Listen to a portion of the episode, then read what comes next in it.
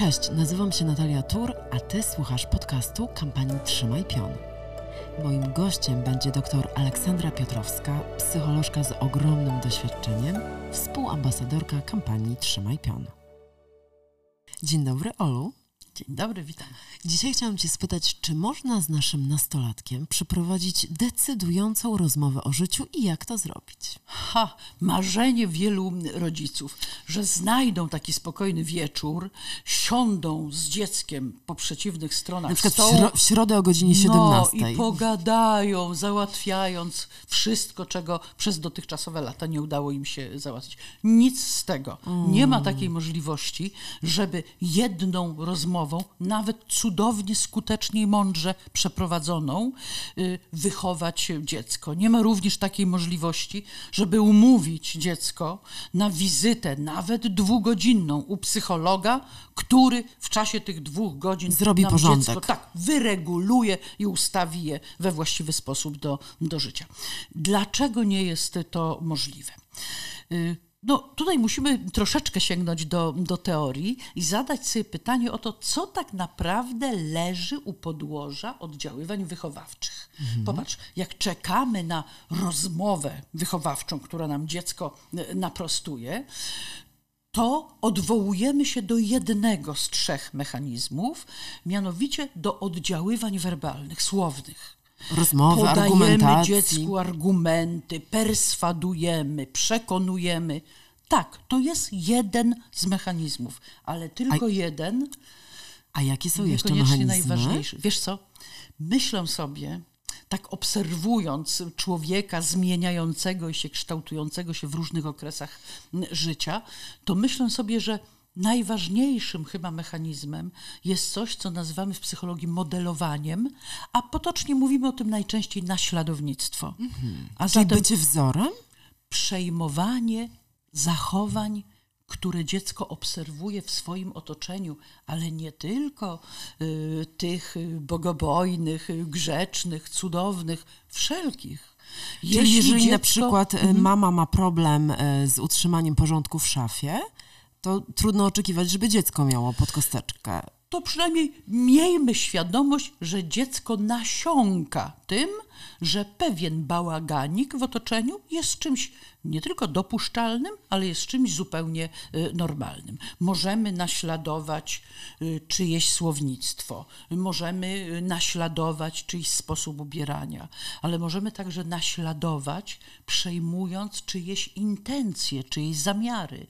Czyli przez ten mechanizm modelowania, bo modelowanie jest szersze niż tylko naśladowanie ruchów, gestów, może być tak, że przejmiemy na przykład po swoich rodzicach serdeczność w stosunku do innych ludzi, albo nastawienie na to, żeby innym ludziom pomagać. Albo jeżeli wprost, poczekaj, dzie- czekaj, Tak, albo tak. wprost przeciwnie. Nastawienie na to, że tylko to, co dla mnie, o mnie, przy mnie jest ważne, a cała reszta nie ma znaczenia. To drugi z tych, z tych mechanizmów. A trzeci? Ale właśnie jest jeszcze trzeci, też bardzo ważny i też działający od najwcześniejszych mm, y, chwil życia dziecka. Wiesz, jego istotą jest to, że stawiamy przed dzieckiem pewne zadania do wykonania, pewne oczekiwania formułujemy. Dziecko albo te zadania realizuje, spełnia nasze oczekiwania, my wtedy okazujemy uwielbienie, zachwyt, mówimy, ach, jaka genialna córeczka, ach, jaki wspaniały synek, albo nie spełnia tych naszych oczekiwań i mówimy, o, jak mi przykro, naprawdę zawiodłam się na y, tobie. Najprościej możemy to określić tak, że to jest wskazywanie zadań, a potem posługiwanie się nagrodami i karami. Ja wiem, że te dwa terminy nie mają dobrej prasy ostatnio. Wielu rodziców twierdzi, że nie akceptują posługiwania się karami i nagrodami w wychowaniu. Tak, jeśli to ma przypominać tresurę, to oczywiście, że jest to bez sensu. Natomiast wzmacnianie zachowań pożądanych, a osłabianie tych, które się nam nie podobają, naprawdę jest jednym z tych trzech podstawowych mechanizmów przekazywania wpływów wychowawczych, o tak może powiem. Tak, e, kwestia nagród i kar rzeczywiście jest bardzo żywa, na przykład na grupie Rodzice Nastolatków, którą prowadzę. E, powiedz mi, droga Olu, czy da się zatrzymać zmiany zachodzące w nastolatku? Te, które są związane te, które z, nas z, okresem, prowadzą, z okresem dojrzewania. Tak, tak, tak? i, i które chcielibyśmy załatwić tą rozmową o życiu, o, tak, o którą tak. cię spytałam. I wyjaśnić dziecku, że w dalszym ciągu ma nam opowiadać o wszystkim, co go dotyczy, I stosować... bo to jemu wyjdzie na, na dobre. Tak? No pewnie, że się nie da. To jest tak, jakby próbować, wiesz, Wisłę e, kijem e, zawrócić. Nie da się zatrzymać rozwoju, zabronić Czyli my jako dziecku. rodzice nie możemy nic zrobić, tak? Jak to nie możemy nic zrobić? My mamy psi obowiązek uwzględniać te zmiany. Czyli to Ale my tu, mamy od siebie zacząć. No właśnie, tutaj nie mam takich zbyt dobrych, mm, znaczy zbyt prostych i, i, i dobrych rozwiązań dla rodziców. Hmm. Skoro dojrzewanie wiąże się ze zmianami zachodzącymi w dziecku, to po to, żeby w dalszym o, o, ciągu. Tak, mówiliśmy o, o tym w innym odcinku. W, w poprzednim. Tak. W, jak poprzednim razem rozmawiałyśmy na temat dojrzewania. To skoro chcemy w dalszym ciągu móc wpływać na to dziecko, to znaczy, że nasze sposoby zachowania i nasze sposoby postępowania wobec dziecka w miarę dojrzewania muszą ulegać zmianom. Czy chcesz powiedzieć, że to my, jako rodzice, mamy nad sobą pracować? No tak właśnie. Czyli nie dość, że nie ma decydującej rozmowy o życiu, to jeszcze my mamy nad sobą pracować. No. W pracy pracuję, w domu pracuję, jeszcze nad sobą muszę pracować. Ale powiedz, jak się ładnie wtedy rozwijasz, wiesz, może to cię, to cię pocieszy.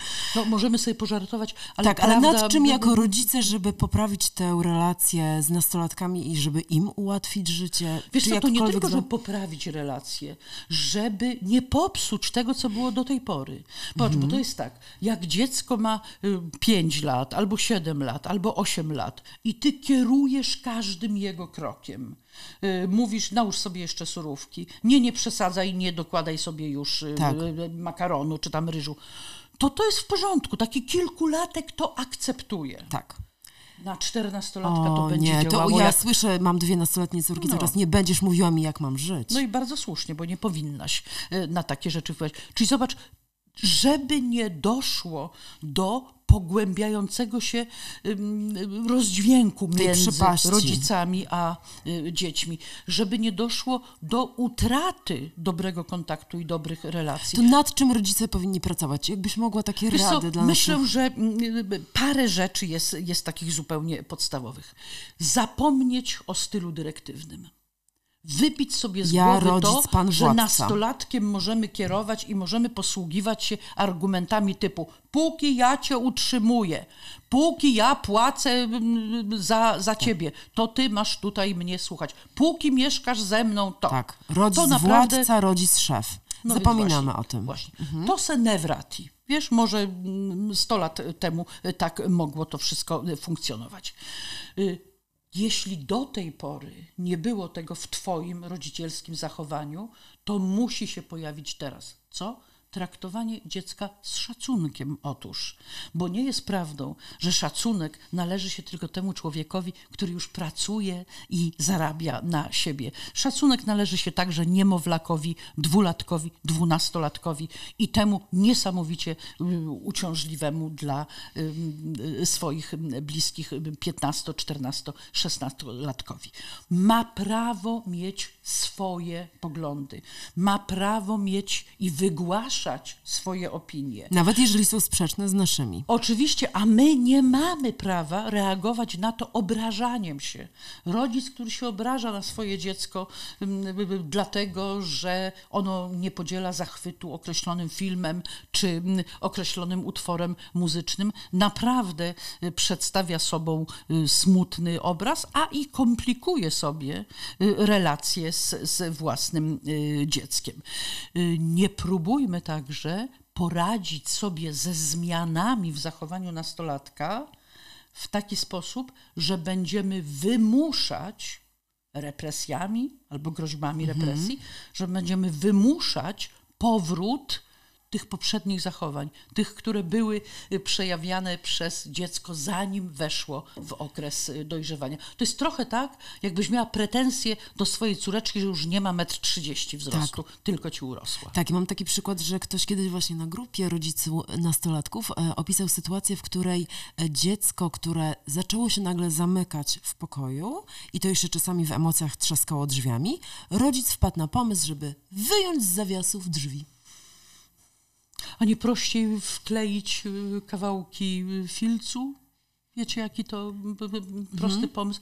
Tylko może wykorzystajmy ten przykład, żeby postawić y, kolejne pytanie. No dobrze, to no skoro nam zależy na relacjach z, z dzieckiem, a zależy przecież, no to może po prostu nie reagujmy, jak nam trzaska drzwiami.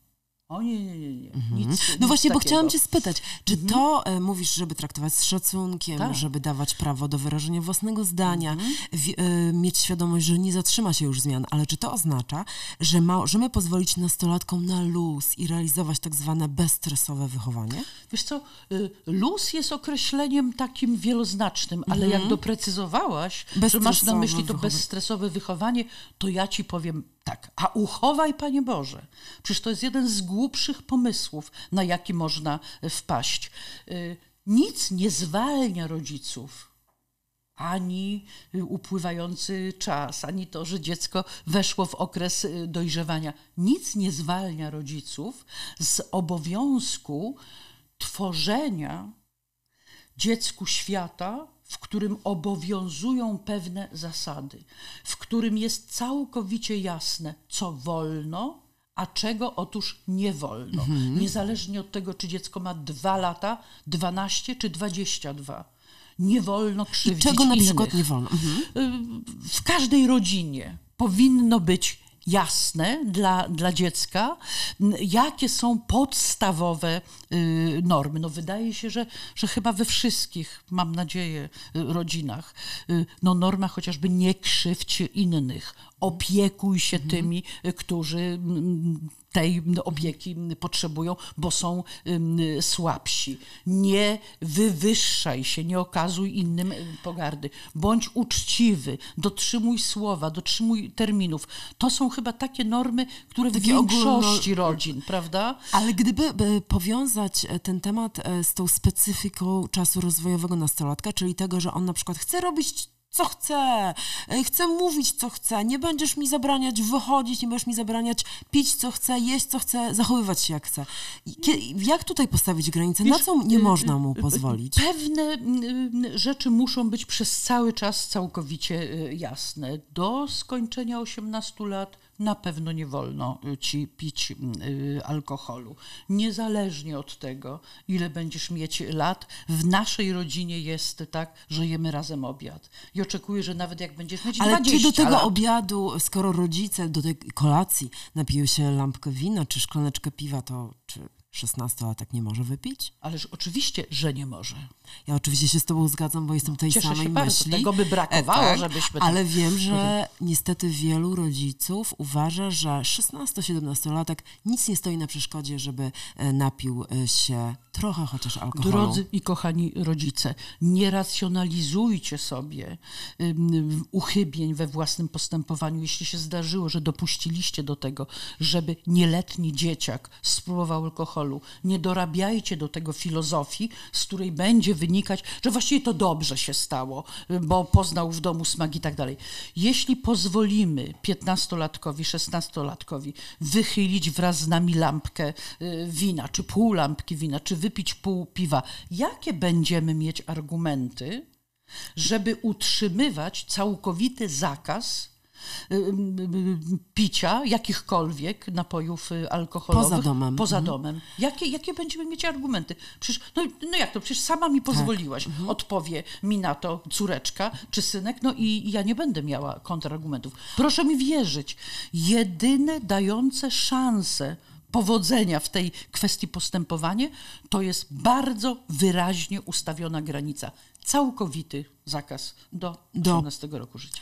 I o tym też więcej opowiadamy w przewodniku, jak rozmawiać z dziećmi o alkoholu, no gdzie właśnie, rodzice są, mogą sobie tam tak, zajrzeć, poczytać. trzymajpion.pl mhm. E, I są tam podane zarówno argumenty do rozmowy z dzieckiem, jak i dla nas argumenty, różne sytuacje o tym, jak rozmawiać, gdy, gdy na przykład dziecko mówi, że wszystko w moim wieku już No piją. właśnie. To jest Wiesz, mit. są y, tam też przykłady takich odpowiedzi, które są niewłaściwymi odpowiedziami, nie powinny y, padać. No bo argument, no bo ja tak mówię, jest y, tak naprawdę żadnym y, argumentem. Na grupie rodzice nastolatków, o której już wspomniałam, temat tego, na ile pozwolić dziecku, e, na przykład jeżeli chodzi o używki, o picie alkoholu albo palenie e-papierosów, ten temat jest bardzo żywy i myślę, że e, to, że tak pewnie wyrażasz opinię absolutnie do ukończenia e, pełnoletności e, alkohol jest niewskazany, jest bardzo taką przydatną wskazówką.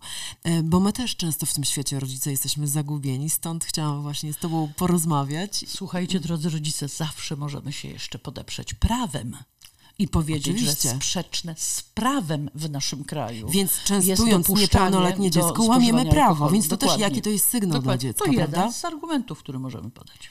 Olu, bardzo dziękuję Ci za rozmowę. Jak zawsze była to ogromna przyjemność i nie mogę doczekać się naszej kolejnej rozmowy. Dziękuję bardzo. Do zobaczenia. Do zobaczenia, do usłyszenia.